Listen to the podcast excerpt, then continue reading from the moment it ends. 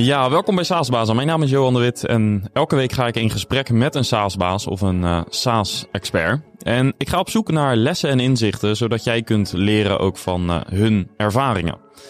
En ben je zelf een SaaSbaas en wil je onderdeel zijn van de community? Ga naar saasbazen.nl om je aan te melden.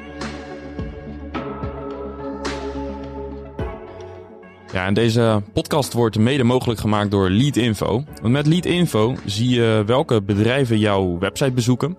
En voor B2B SaaS bedrijven is Leadinfo een uh, ja, goede aanvulling op je marketing en sales tools. Er zijn talloze integraties met eigenlijk alle populaire CRM-systemen, zodat je je websitebezoekers meteen naar je CRM kunt pushen en ze kunt opvolgen. Wil je dat proberen? Ga naar uh, leadinfo.com slash saasbazen. Yes, we zijn live. Welkom Anne. Dankjewel. Ben je inmiddels gewend aan je koptelefoon? Nee, nog steeds niet. Hij is nog steeds zwaar. ja, sorry daarvoor. Uh, maar goed, uh, we gaan alsnog een uh, leuk gesprek hebben over jouw business. een SaaS-bedrijf, Decodata. Ja. Um, maar jouw ondernemersavontuur is niet begonnen in SaaS. Nee, dat klopt. Kun je ons een beetje meenemen in ja, wat je hiervoor hebt gedaan? Ja, ik heb hiervoor een webwinkel gehad in designmeubels, zoals het zo mooi heet. En uh, die hebben we verkocht aan Fonk. Daar zijn we een aantal jaar aan boord geweest. Hele toffe tijd gehad, samen met de mensen van Fonk. Fonk als home en living speler op de kaart gezet. En um, als je in, in die groeifase zit van die verschillende bedrijven, dan kom je onderweg gewoon steeds meer mooie nieuwe kansen tegen. En een van de kansen die we eigenlijk op dat moment tegenkwamen was uh, het feit dat er heel veel inspiratie online te vinden is. Uh, met name via Instagram en Pinterest, uh, maar ook als je gewoon zocht via Google Images. maar dat uiteindelijk de uh, op zo'n plaatje met interieurproducten kan je uiteindelijk er niet achter komen waar al die interieurproducten van zijn. Van welk merk, waar je het kan kopen. Um, alle specificaties. Zijn, alle specificaties. Dus um, eigenlijk nog uh, in de periode dat ik nog aan boord was bij Fonk, zijn we langzaamaan eens gaan kijken hoe zouden we dat op kunnen lossen. En toen zijn we een B2C platform gaan bouwen. Um, uh, en, en ook een MVP uh, echt gebouwd. Mooie metrics met elkaar uh, gedaan. Alleen we kwamen daar eigenlijk achter hetzelfde als wat we in al die jaren e-commerce uh, hadden ontdekt. Namelijk dat uh, het koppelen van, of eigenlijk de toegankelijkheid van interieurdata is heel beperkt. En als je dan een platform gaat bouwen waarbij je uh, sfeerplaatjes gaat koppelen aan data over producten, specificaties um, en aan, aan data over winkels, dan wordt dat proces nog een stapje ingewikkelder. maar daar hadden we wel technologie voor ontwikkeld. Dus dat was al een hele toffe uh, milestone. Maar we kregen ook uit de markt de vraag van... hey, kunnen jullie dat niet ook uh, B2B gaan doen? Ik zeg je heel eerlijk, ik kom uit de B2C-wereld. Ik had echt geen idee. Um, dus toen zijn we eigenlijk met een club hele toffe ervaringsdeskundigen... zijn we eens gaan brainen, gaan kijken naar ons product. En ook gaan kijken van uh, wat is nou echt de pijn in de markt. Dat ging allemaal, viel allemaal samen toen corona net, um, net, net eigenlijk... Um, echt aan het, aan het uh, uh, echte impact kreeg op ons leven. Ja, dat is eigenlijk uh, zeg maar eerste kwartaal 2020 ja, zo'n ja, beetje. Ja, ja, en dat, dat was ook de periode uh, dat wij in een fundingronde zaten. Want ik heb mijn vorige bedrijf Bootstrapped opgericht, zoals het zo mooi heet. En uh, wilde het nieuwe bedrijf, het B2C-platform, graag met investeerders doen. sneller groeien, schalen um, en alle stappen die daarbij horen. Uh, maar goed, op een gegeven moment uh, zijn we dus gaan kijken, wat is nou echt die pijn in die markt? En dan kom je er gewoon achter dat interieurmerken maken de meest fantastische uh, producten, designs. En vervolgens slaan ze informatie over die producten op in vaak zes systemen. Soms meer, soms minder. Maar uiteindelijk moet al die data in een webshop of in een ander systeem komen om als bedrijf te kunnen verkopen aan die consument. En dat gebeurt allemaal handmatig. Dus nou. ja, mensen uh, zijn echt aan het kopiëren, plakken of informatie aan het overtypen. Om al die interieurproductinformatie in systemen te krijgen. Ja. ja, je moet je voorstellen, de interieurmarkt is goed voor 500 miljard dollar omzet. Nou ja, en als daar ongeveer uh, 80% van de data handmatig verwerkt wordt, dan is daar wel werk aan de winkel. Ja, gigantisch veel manueel werk. Uh, Enorm. In, in, in de hele markt. Um, is er ook niet zo'n soort initiatief voor wat meer de technische producten, dus elektronische producten? Ja, ik ben even klopt. de naam kwijt. Maar ja, de... er zijn, er zijn, uh, je hebt een aantal uh, bedrijven die zich uh, op het gebied van elektronica vooral richten. En dat is IceCat. Dat Ja, is natuurlijk die een eh, grote club. Ehm, kennen we ook eh, redelijk goed, moet ik zeggen. Ehm, en die hebben ook wel getracht deze markt een keer te betreden. Eh, daar hebben we ook contacten mee gehad. Ehm, maar de interieurmarkt is enorm gefragmenteerd ehm, eh, en, en, en versnipperd. Waardoor als je die markt wil betreden, is het wel fijn als je kennis van die markt hebt. Ja. En toen wij eigenlijk die pivot gingen maken van ons B2C naar B2B SaaS-product, wat het nu is, hebben wij heel veel eh, ja, sessies gehad met echt enorme ervaringsdeskundigen uit B2B SaaS vooral. Ehm, en die ook heel veel ervaring hebben met vanuit de tech- technologische kant, hè, om, om, om daar producten op te, op te bouwen. Ehm, en zij hebben ook gaan valideren in de markt. Ja, en als je dan dus de combinatie hebt van, van kennis, netwerk, ervaring uit de interieurbranche en je hebt de kennis, netwerk en ervaring uit B2B SaaS. Ja, heel eerlijk, Johan, ik had eh eh 15 jaar geleden niet verwacht dat ik het probleem wat ik toen al tegenkwam, namelijk het handmatig verwerken van interieurproductinformatie, ehm, nu zou oplossen met slimme technologie. Ja. En een fantastisch team ook. Ja, ja. en, en ehm, eh, zo'n i- ijscat ken ik vanuit het verleden. Ik heb een beetje Ja. in de ICT-wereld gezeten. Ehm, is het ook omdat die markt zo gefragmenteerd is van, van eh, meubels en, en van interieur, dat zij bijvoorbeeld zo'n stap niet eerder hebben, maar ook de concurrentie niet? Want ik kan me voorstellen, op zich het is een, een ja, volgens mij een bewezen model al best wel lang. Ja. Hoe, hoe komt het dat er nog geen andere partijen eh, op dit probleem zijn? eh? Ah, ik denk dat het meerledig is. En ik kan natuurlijk niet echt praten voor die andere bedrijven. Maar ehm, tot corona was 90% van de omzet in de interieurwereld ging fysiek. Ehm, eh, en natuurlijk heb je daar ook te maken met systemen. Maar dat is wel anders dan online systemen. Daar praat je gewoon over andere uitdagingen. Ehm, ik heb mijn vorige bedrijf, ja, sommigen noemen al bijna een dinosaurus, maar een tijdje terug natuurlijk opgericht. Eh, eh, als je een van de eerste webwinkels in designmeubels hebt in 2004, dan, dan loop je al een tijdje mee.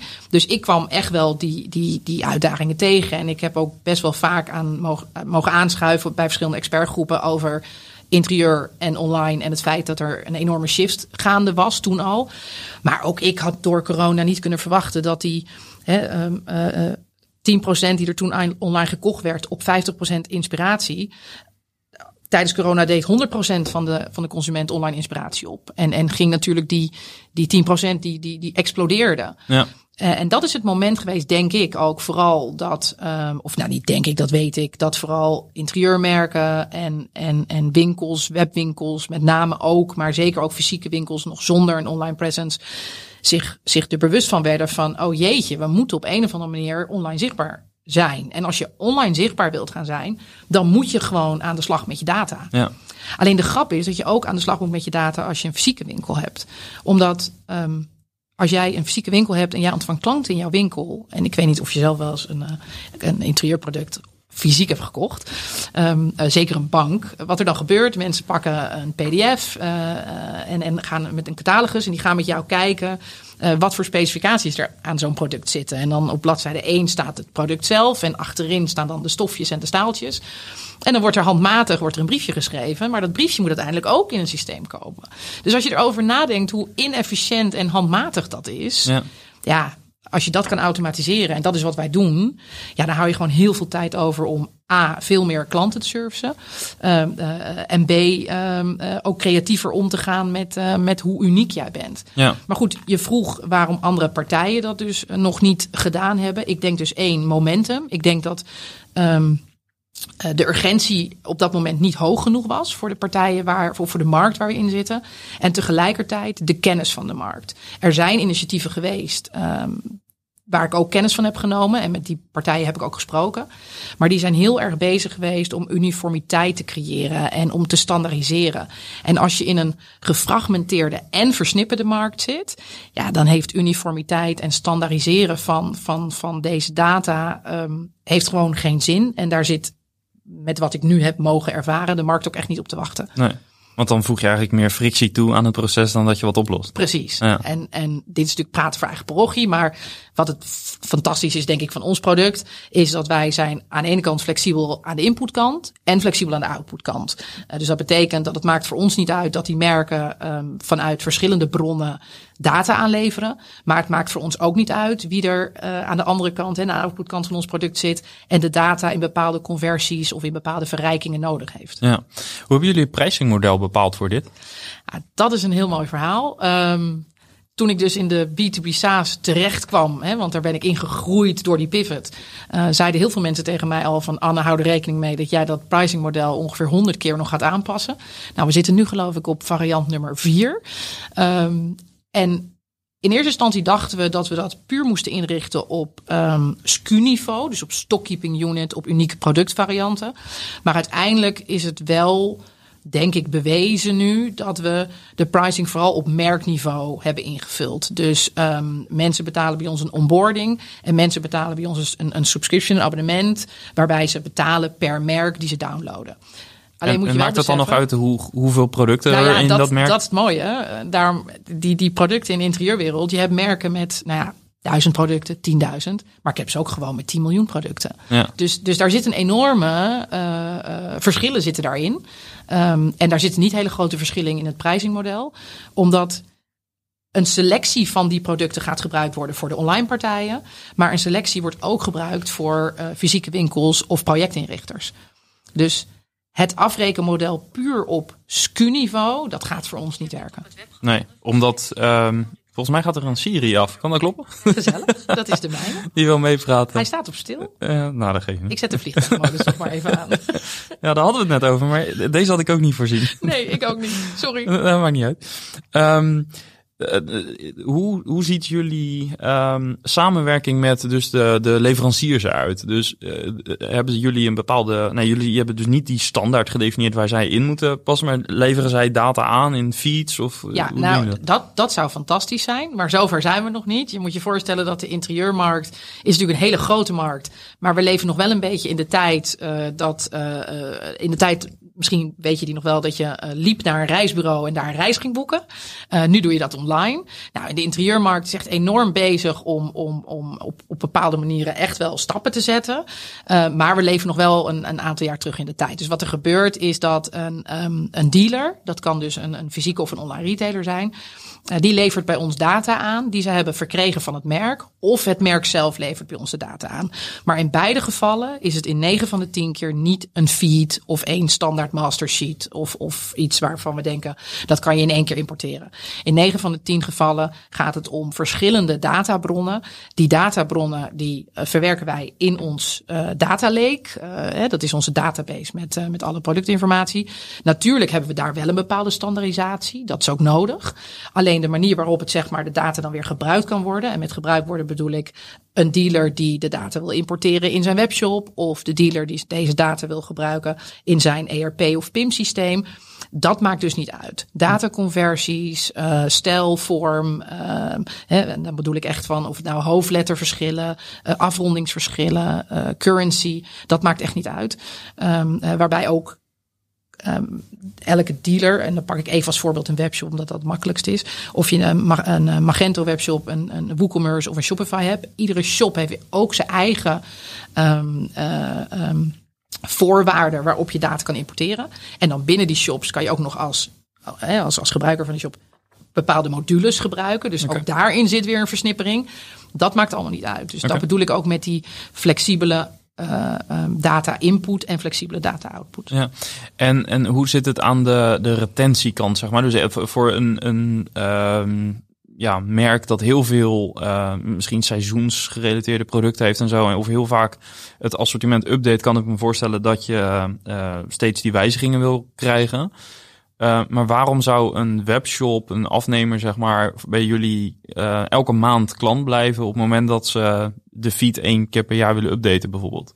Ja, je hebt bij meubels ook dat er uh, een aantal keer per jaar wijzigingen zijn in de data. Dus het kunnen prijswijzigingen zijn, collectiewijzigingen zijn, maar ook nieuwe modellen die worden gelanceerd. En je wil natuurlijk continu de laatste uh, versie van die data in je shop hebben zitten. Um, en er zijn legio voorbeelden van uh, partijen die offerte-aanvragen krijgen. En die hebben dan in hun ERP-systeem of, of, of financiële systeem of, of, of, of, wat anders, hebben ze dan nog, ik noem wat, een oude prijslijst staan. En als jij dan een offerte doet voor 20 lampen, en die offerte wordt goedgekeurd door de klant. En jij schiet hem in bij, de, bij, bij het merk, bij de leverancier. Klopt je marge misschien helemaal niet meer. Dan is je marge gewoon, uh, daar ga je nat. Ja. Dus, dus het, het, heeft te maken aan de ene kant met up-to-date zijn uh, qua collectie. Um, maar tegelijkertijd wordt ons product natuurlijk ook steeds slimmer. We zijn ja. op allerlei manieren zijn we onze slimme technologie nog weer steeds een takje slimmer aan het maken. Waardoor je natuurlijk um, predictive insights gaat geven. Uh, waardoor je de klant steeds verder mee gaat helpen in het um, um, ja, nog beter neerzetten van de, van de datastromen. Ja. ja. Alright. Uh, ja, vooraf vroeg ik jou om, uh, nou, wat zijn nou een beetje zeg maar, de, de highlights in je SaaS journey, zeg maar. Wat is echt heel belangrijk, waar, waar steek je veel tijd in? En toen zei je het, het, team. Dat is voor mij echt, echt nummer één. Um, en, en, en daarin gaf je ook aan, hè, echt een, een, een sterk team, een, een winnend team. Um, wat is voor jou een, een winnend team? Wat, wat maakt een winnend team winnend? Leuke vraag. Um, ik denk dat het belangrijk is dat iedereen binnen het team, en dan bedoel ik van stagiair tot de oprichter tot uh, de software engineer, het maakt me niet uit wie, die moet zich op zijn gemak voelen binnen ons team. En je op je gemak voelen in een team, dat is voor iedereen wat anders. Uiteindelijk besteden we heel veel tijd um, in ons leven aan ons werk, maar we hebben ook allemaal een privéleven. Uh, zoeken naar balans doe ik niet meer. Dat heb ik opgegeven, want ik heb gemerkt dat dat niet werkt. Je moet gewoon vooral doen waar je je goed bij voelt, denk ik. Um, maar ik merkte op een gegeven moment dat um, uh, de een die heeft, vindt het bijvoorbeeld prettig om s morgens te gaan sporten. Uh, hè, de ander die heeft kinderen en die wil gewoon wat eerder weg, want die wil op tijd bij een crèche van school staan. Uh, weer een ander vindt het fijn om met familie te gaan golven. Het maakt niet uit. Ik vind het belangrijk dat op het moment dat iemand bij ons solliciteert, dan doe ik altijd eerst zelf een kennismakinggesprek, omdat ik het leuk vind om te weten wat voor uh, mensen er graag bij ons willen werken, maar ook graag vertel over een stukje uh, geschiedenis. Um, vervolgens uh, nodigen we die mensen ook altijd uit na, na, na een tweede gesprek met collega's ook uh, voor een lunch. Om te kijken of er een, of er een fit is. Hè, of, of, of iemand ook echt binnen het team past. En echt van twee kanten. Want het gaat niet alleen om, om ons. Het gaat zeker ook om de persoon die, die, die op dat moment bij ons zit. Dat is een beetje de cultural fit. Zeker, ja. zeker, absoluut. Um, en op het moment dat, dat deze persoon gaat beginnen, dan hebben we ook een hele onboarding flow, waarin we iemand ook echt meenemen in um, ja, wat je kan verwachten als je bij ons, als je bij ons, als je aan de slag gaat. En ja, op het moment dat wij recentelijk nog um, hadden we, hebben een stagiair is bij ons begonnen. En die jongen die zei gewoon op een gegeven moment na vier weken uit niets van ik wil echt even zeggen dat ik heb nog nooit meegemaakt dat ik zo mezelf kon zijn bij een bedrijf. En ik denk dat als je dat met elkaar kan zijn, jezelf en ook met je grilligheden en met alle unieke uh, eigenschappen die we hebben, ja, dan zit je goed. Want dan ga je gewoon met elkaar, denk ik, uh, dan heb je lol en is het keihard bouwen met z'n allen gewoon vele malen leuker. Ja. Uh, hoe draag je dat over, dat mensen inderdaad zichzelf kunnen zijn? Ja, dat is een goede vraag. Um, ik denk vooral open zijn, luisteren en ook echt luisteren. Hè? Dus je kan luisteren, maar niet horen wat iemand zegt. Uh, maar ook luisteren en horen wat iemand zegt. Dus um, als iemand mij in zo'n eerste gesprek bepaalde um, informatie geeft over zijn leven. Ja, dan, dan, dan, dan neem ik dat ook gelijk serieus. Uh, en, en dan zal ik dat ook niet. Um, in een, dan in ieder geval hoop ik dat we dat ook later in het proces, als bepaalde uh, wensen of behoeften naar voren komen, dan vind ik het ook belangrijk dat we daar gehoor aan geven. Ja, luisteren. Ja, luisteren, ja, maar ook ho ja, ja, echt luisteren. Ja, dus het, horen wat echt in je zegt. opnemen. Ja, ja, ja. ja, ja. Um, ja, zoeken naar balans, dat, nee, dat heb je opgegeven. Ja. Uh, wat was het turning point? nou, ik ben moeder van drie kinderen. En uh, ik, vind, uh, ik, ik vind echt oprecht de kinderen en, en mijn gezin, mijn man, ik, ik, vind dat, ik vind dat heel belangrijk. Ik, ik, oh, ik vind echt oprecht dat je um, uh, niet moet onderschatten hoe belangrijk familie, vrienden uh, voor je zijn. En, maar ik kan ook opgaan in mijn werk, want ik hou van mijn werk en ik vind alles leuk. Nou, tel dat bij elkaar op. dat is natuurlijk um, succes gegarandeerd. En als je dan gaat zoeken naar een soort van balans van, oh, geef ik mijn werk wel genoeg aandacht of geef ik mijn kinderen wel genoeg aandacht of wat dan ook. Iedereen heeft wel een mening over van alles. Op een gegeven moment ben ik gewoon, heb ik gewoon gedacht van ik laat het gewoon los. Ik, volgens mij geef ik iedereen genoeg liefde en aandacht op alle vlakken. En als je dat zelf soort van loslaat en accepteert, dan is die drang om te zoeken naar een soort van balans, is dan, die valt dan van je af. Maar heb je hem dan niet gewoon gevonden? Ja, weet ik niet. En zo klinkt het bijna. Ja, geen idee. Oké, Ehm, want, want eh, ja, dat wil je dus ook dat je teamleden dat doen. Dus vandaar dat je ze ook de vrijheid geeft om dagen zelf in te delen. Dat ze, dus eigenlijk zit het in eh, vooral ruimte geven, gehoor en, en, en eh, oog hebben voor wat een ander nodig heeft. Ja. Zo klinkt het. Nou, een mooi voorbeeld vind ik in, eh, in, op andere plekken waar ik gewerkt heb. ehm, dan had je s'morgens om negen uur met elkaar een vergadering. En eh, dat waren momenten dat ik zelf wel ook kinderen had, maar ook niet. Dan kwamen mensen, was nog voor corona, dus dan kwamen mensen binnenrennen. Die zaten nog met hun, hun jas half aan. En dan zaten ze bij een vergadering, dan sloten ze aan. Dan zat je met z'n tienen. Nou, als, als 30% daarvan half erbij is, omdat ze nog met hun hoofd bij datgene wat in de ochtend gebeurd is zitten. En of ze hebben net die regenbui gehad of wat dan ook.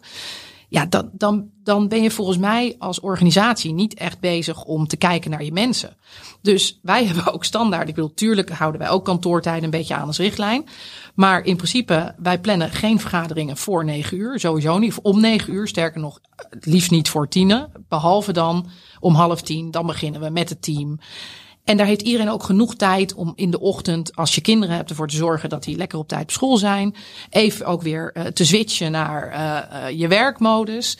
Um, mensen die willen sporten hebben daar genoeg tijd voor. En die hoeven niet soort van hijgend nog met één sportschoen aan binnen te waaien. Um, ik denk dat dat soort dingen heel belangrijk zijn. Dat Ja. je gewoon uh, snapt dat er meer is dan alleen dat werk. En natuurlijk is dat werk mega belangrijk. En we knallen met z'n allen en we schalen. En natuurlijk gaan we voor, uh, voor, voor, voor grote successen. En die vieren we ook, want dat is heel belangrijk. Maar er is wel meer dan alleen uh, dat stukje met elkaar. En, Ja. en, en ik noem net al het vieren van successen. Uh, dat is gewoon ook mega belangrijk. Als je met elkaar doelen formuleert, of juist iets wat je niet met elkaar hebt geformuleerd, maar wat opeens eh, iets is wat je vindt dat je moet vieren, doen. Gelijk doen. Ja. Ik zag, uh, ik denk op LinkedIn, weet ik niet helemaal zeker, dat jullie onbeperkt vakantiedagen bieden, klopt dat? Ja. Waarom doen jullie dat? Um, ik denk dat dat een, enerzijds een klein beetje voortkomt dat ik zelf een bloedhekel had in het uh, vroeger dat je als je een vakantiebriefje in moest vullen en dan ergens toestemming moest vragen. Um, uh, omdat de een die zal uh, uh, 20 of 23 dagen nodig hebben, maar als jij net toevallig een mooie reis wil maken en je hebt dan 28 dagen nodig, ja, dan heb je er 28 nodig. Uh, en als het voor jou nodig is, als jij keihard werkt om nog even twee weken extra eruit te zijn, moet het ook kunnen. Uh, plus, we moeten allemaal naar een tandarts, een dokter of weet ik veel wat. Ik heb op een gegeven moment met een aantal mensen daarover gesproken en gedacht van, weet je wat, um, laten we gewoon proberen met z'n allen. En, en hoe werkt het, voor jullie? Ja, prima. Hm. Ik sprak en, laatst een ondernemer die dit ook uh, heeft gedaan. Uh, die heeft het weer teruggedraaid na, denk ik, twee jaar of zo. Ja. Um, omdat zijn ervaring was uh, dat er een soort schaamte uh, soms optrad. Dat, dat mensen uh, het eigenlijk niet durfden. Uh, want ja, het zou als een soort vorm van misbruik uh, voelen van, van ja. zo'n regeling, zeg maar. Ja. Um, daar zul je ook over nagedacht hebben. Ja, nou ja, sterker nog, we hebben het. er was laatst een artikel op LinkedIn. Daar had ik op gereageerd. En die persoon volgens mij waar jij naar verwijst, die heeft gereageerd op dat stukje. Want die had gezegd dat hij. Het was ook een SaaS-baas. Ja, ja, ja, en die, die, die, die, die dat dus teruggedraaid had.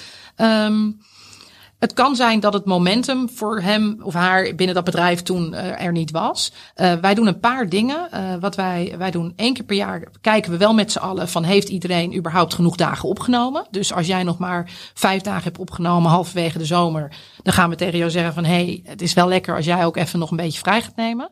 Hm. Um, dus als die schaamte er is, want dat kan natuurlijk altijd, dat, dat weet ik niet. Dat, eh, dan proberen we dat in ieder geval wel weg te nemen. Um, en ik denk dat die cultuur bij ons ook echt wel erin zit van... je presteert gewoon beter als je meer ontspannen bent. En dat heb ik zelf aan de lijf ondervonden, maar ook de mensen waarmee we werken. En we praten er ook gewoon over. Um, en ik heb één collega, um, onze, die hebben we nog niet zo heel lang geleden aangenomen. Echt ook een topper. Maar die had gewoon al een hele mooie reis geboekt voordat hij bij ons begon. Ja, en natuurlijk maken we er af en toe grapjes over. Maar dat moet dus ook kunnen ja. binnen zo'n cultuur. Ja. Um, omdat we wel gewoon echt met elkaar uitspreken en dus ook naar elkaar luisteren hoe we erin zitten. En je hebt als, als, als nou ja, als, als, als, als, als, uh, als eigenaar van het bedrijf, maar ook als collega's onderling. Op een gegeven moment weet je vanzelf wel van, oh, uh, die persoon kan daar wel of niet mee omgaan. En dan moet je er ook gewoon weer met elkaar over praten. Ja. Want dat is die open, open Ja, setting. dat is eigenlijk waar we mee begonnen. Ja, Ja. Dat, je, dat mensen zich op, zich op hun gemak voelen, dan kan je dit ook afspreken. Ja. Eh, hoeveel dagen hebben mensen gemiddeld opgenomen afgelopen twaalf maanden? Dat is een goede vraag. Heb ik niet naar gekeken bewust. Maar ik denk dat ze gemiddeld uh, rond uh, iets meer dan 20. Ja, precies. Dus eigenlijk 20, 25 is een beetje de standaard. Ja. En hebben we, nog, ja. we hebben nog een paar maanden te gaan. Ja. Uh, maar goed. Dus eigenlijk eh, normaal, zou je kunnen zeggen. Ja.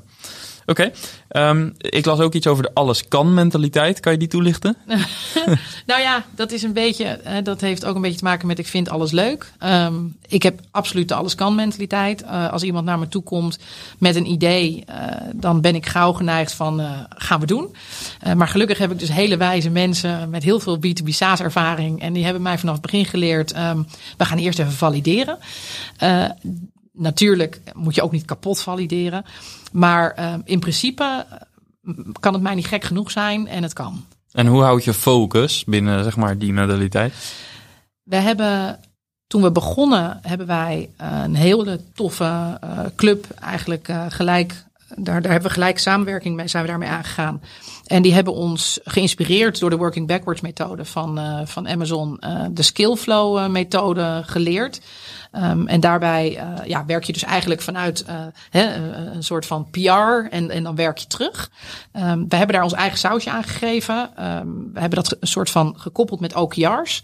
En je merkt echt dat sinds we dat gedaan hebben, dat werkt zo prettig. Omdat... Ja, dus, eigenlijk je, je uh, beschrijft een soort doel in de toekomst. En een plaatje in de toekomst. En, en vanaf dat punt ga je eigenlijk terugwerken naar wat je dan in de Ja. tussenliggende periode moet doen. Hè? Ja, ja, wat je met elkaar wilt bereiken. Ja. Ehm, eh, en op het moment als er dus iets op ons pad komt waarvan we denken, dat kunnen we, want hè, de alles kan mentaliteit. eh, gaan we wel eerst even kijken, staat dit op ons, eh, op ons, op onze, ons, ons OKR's voor de komende kwartaal? Of, of staat dit op ons langetermijnplan? Ja, past je, je moet het namelijk ook niet dicht timmeren. Hè? Ik bedoel, we blijven wel lekker ondernemen en, en, en zeg maar lean in de zin van je moet wel meebewegen. Maar focus is echt wel heel belangrijk. Zeker met, um, met, met enthousiaste mensen binnen B2B SaaS, waarin je steeds ja, meer wil groeien. Ja. He- heb je wel eens uh, in de afgelopen, uh, nou eigenlijk sinds de start, wel eens een moment gehad dat je dacht van achteraf heb ik daar een verkeerde afslag genomen? Nee. Qua product of nee? Dus je bent eigenlijk door dit systeem uh, behoorlijk, in, het is eigenlijk de guardrails eigenlijk voor je Ja. beslissingen. Ja, ja. kan het ook echt iedereen aanraden. Ja. De skill flow, flow methode. Ja. ja. Skillflow. Nog Ja. even een keertje extra reclame. we- we- Skillflow. We zetten hem, we zetten hem in de show notes. ja. Ik schrijf het op. Alright. Ehm, ja, ik was ook benieuwd even naar jullie eh recruitment proces of, of hiring proces en recruitment daarvoor. Eh, je gaf aan dat jij zelf de eerste gesprekken doet. Ja. Eh, hoe zorg je ervoor dat je in continu gesprek blijft met talent? Doe je dat zelf? Besteed je dat uit? Hebben jullie intern, externe recruiter? Nou, we hebben toevallig iets van anderhalve maand geleden of zo, hebben we uh, onze eerste HR-lead aangenomen. Daar ben ik echt heel erg blij mee. Want uh, tot dan toe uh, deden we sowieso alles zelf en met name ik ook. Um, en HR is echt een vak. Ik bedoel, dat wist ik al, um, maar dat wordt me iedere keer weer uh, wordt dat bevestigd. Uh, wat we dus doen is eigenlijk intern alles uitzetten binnen ons eigen netwerk en met bepaalde tools. Uh, en dan hebben we eigenlijk een flow wat begint bij mij als mensen solliciteren. Natuurlijk hè, wordt eerst gekeken naar de, naar de, naar de brieven en, en de cv's. Doen wij toch ook nog wel. Probeer ik wel een beetje doorheen te lezen als ik heel eerlijk ben. Ik vind altijd een begeleidende brief vind ik, vind ik meestal zwaarder wegen dan alleen een cv uh, tegenwoordig. Um, maar we hebben in het verleden een aantal keer het anders gedaan. Hebben we mensen uitgenodigd met andere teamleden. En die heb ik eigenlijk of niet gesproken of later. Waarvan we achteraf zeiden: het had voor deze persoon beter geweest als ze jou eerder gesproken hadden. Omdat je toch merkt dat um, vanuit mijn achtergrond en hoe we gekomen zijn bij het product waar we nu zijn, dat dat gewoon prettig is. Uh, wat we daarnaast doen is, nou dat schetste ik net al een beetje. Als we iemand uh, hebben waar, waar, waar matches van beide kanten. En daar hebben we een hele onboarding flow voor. En wat ik ook altijd doe, wat daar onderdeel van is, is een soort van meet and greet. En een meet and greet is een soort, is niet de fysieke meet and greet. maar dat is een meet and greet waarin ik eigenlijk onze hele achterban. Want we hebben een hele rijke achterban van een, van een, van, van, nou ja, natuurlijk hè, investeerders die in ons geloven. maar ook een raad van advies. Um, en eigenlijk, ja, ik noem het even vrienden van de show. Um, waar, waar, ja, waarvan ik het belangrijk vind dat de personen die bij ons werken ook die schil kent. Okay. Omdat je uiteindelijk met elkaar een bedrijf groter maakt. En doe je dat voor of na die lunch? Dat doe ik na de lunch. Dus ja. uh, um, hè, ze hebben eerst met mij gesproken. Afhankelijk van de rol hebben ze met andere collega's gesproken. Ja. Dan hebben ze de lunch. Uh, dan is vaak natuurlijk, hè, komt iemand aan boord, ja of nee? Dan, maar dan heb ik wel al verteld daarover. Ja, precies. Uh, maar dan tijdens die meet and greet uh, uiteenzetting komen ook de namen en de rugnummers en zo erbij. Ja, precies. En dan wil je eigenlijk dat zo iemand echt de context van je bedrijf ja. uh, beter snapt ja, en het grote beter. plaatje. Ja, ja, precies. Ja, sterker nog, we hebben ook zelfs nog um, uh, wat, wat onderdeel van de onboarding zijn een aantal vragen die komen nog uit het B2C-platform en die hebben we een beetje omgekat naar B2B om de markt beter te begrijpen. Uh, want de interieurmarkt, kijk, iedere markt is uniek. Dat geloof ik meteen. Uh, maar de interieurmarkt dus ook. Want je hebt ook binnen de interieurmarkt te maken met zaken als replica's, uh, namaakproducten. Um, de manier waarop producten wel of niet online verkocht kunnen en mogen worden. Kijk, dat is natuurlijk kennis die bij mij zit. Maar als je die kennis niet deelt met je team, dan zullen ze dat ook niet begrijpen. Nee. En wat ik altijd zelf een hele leuke vraag vind is: um, uh, waar kan je uh, meubels kopen? Um, nagenoeg iedereen onder de 25 noemt zelden een fysieke winkel. Uh, mensen daarboven die willen nog wel eens een fysieke winkel noemen. Maar het zijn allemaal andere kanalen. Hm. En dat is echt wel een enorme switch die, ja. die de komende tijd gewoon nog een hele grote impact gaat hebben. Ja.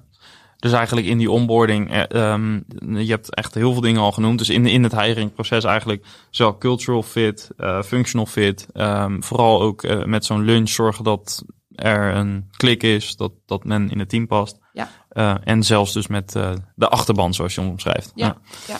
ja. Um, Oké, okay. ja, ik heb nog heel veel vragen daarover, maar we zouden ook nog even hebben over, zeg maar, wat, wat het voor jou als founder betekent om Um, om zo'n disruptief platform te bouwen, zeg maar, binnen deze markt, die een beetje traditioneel klinkt in, in een aantal ja. opzichten, als ik het voorzichtig zeg. Um, maar misschien nog wel meer, um, ja, wat, uh, hoe is het voor jou om, om eerst in 2004, zei je, een e-commerce uh, shop te ja, hebben? Mijn rollator staat. Uh, Grapje. Daar wilde ik niet naartoe.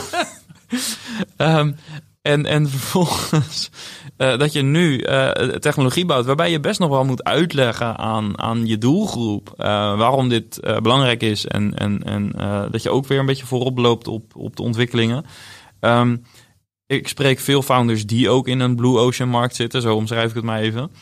dat gaat vaak ook gepaard met heel veel ja, spanning en vooral onzekerheid. Van gaat dit wel lukken? En, en, herken je dat gevoel? Is dat ook van jou op, op jouw situatie van toepassing? Nou, je stelde eerder de vraag: uh, je hebt de alles kan mentaliteit. Um, als ik heel eerlijk ben, nee. Ik herken niet die onzekerheid en ik herken niet uh, van um, die spanning of zo. Ja, tuurlijk herken je wel gezonde spanning over. over uh, uh, gaat iets een succes worden of zo. Maar, maar dat, is, dat is echt, dat, dat, dat is meer ja, gezonde spanning. Mm. Maar echt onzekerheid, nee. Um, en je zei, je, zei net, je zei een paar leuke dingen. Um, enerzijds over die traditionele markt. Het is, het, is op, het is ook echt een hele traditionele markt nog. Maar het is wel een markt die heel graag wil. Um, en dat is natuurlijk ook wel ingegeven door de afgelopen jaren, absoluut. Um, en ik denk dat dat um, um, zeker bepaalde inzichten heeft doen helpen. Uh, maar één ding die we vanuit Decodata ook geïnitieerd zijn met andere techbedrijven, met merken en met, uh, met retailers, is um, Furniture Forward. En daarin willen we ook met elkaar optrekken om die interieurbranche vooruit te helpen.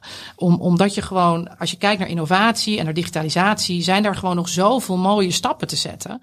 En ik kom natuurlijk vanuit de e-commerce. Ik heb ook uh, bij de andere bedrijven waar ik heb gezeten andere branches mogen zien hoe die ontwikkeld zijn. Ik volg natuurlijk ook alle media die ervoor is en het nieuws. En je weet wat voor stappen elektronica gemaakt heeft, de reisbranche, um, uh, fashion. nu is gewoon de beurt aan interieurproducten. Ja. En, en ik denk wel dat de manier waarop we nu met elkaar kijken naar hoe interieurdata verwerkt wordt en de mogelijkheden die er zijn, dat als je dat gaat vergelijken met over vijf jaar, ja, ik zie zoveel meer kansen voor al die spelers in deze branche. En dat is natuurlijk enorm gaaf. Ja. Daar ben ik vooral mee bezig. Ja. Ik ben niet zo bezig met die onzekerheid. Ehm, en dat heb ik ook eigenlijk nooit gehad. Dus hiervoor waren we een van die allereerste webwinkels uh, op het gebied van meubels. Toen heb ik ook heel veel mensen, althans ik zeg toen heb ik ook, dat heb ik nu niet. Maar toen heb ik best wel wat mensen gehad die zeiden van ja, maar meubels online kopen, wie doet dat nou? En uh, stop er toch mee en dat is helemaal niks. Nou, als iemand dat tegen mij zegt, dan gaan we nog een stapje harder. Ja. Um, uh, en niet zozeer om iets te bewijzen, maar als je gelooft in datgene wat je doet, Ja. ja dan moet je gewoon vol voor gaan. Ja. Uh, en op het moment dat je gaat twijfelen over zaken, hè, dat, natuurlijk, je kan altijd twijfelen over bepaalde keuzes of, of wat dan ook. Maar dan zou ik zeggen, uh, haal je net op bij ervaringsdeskundigen en ga kijken in je netwerk die je kan helpen. En zet de volgende stappen. Ja. Altijd vooruit. Doorgaan. Nou, absoluut.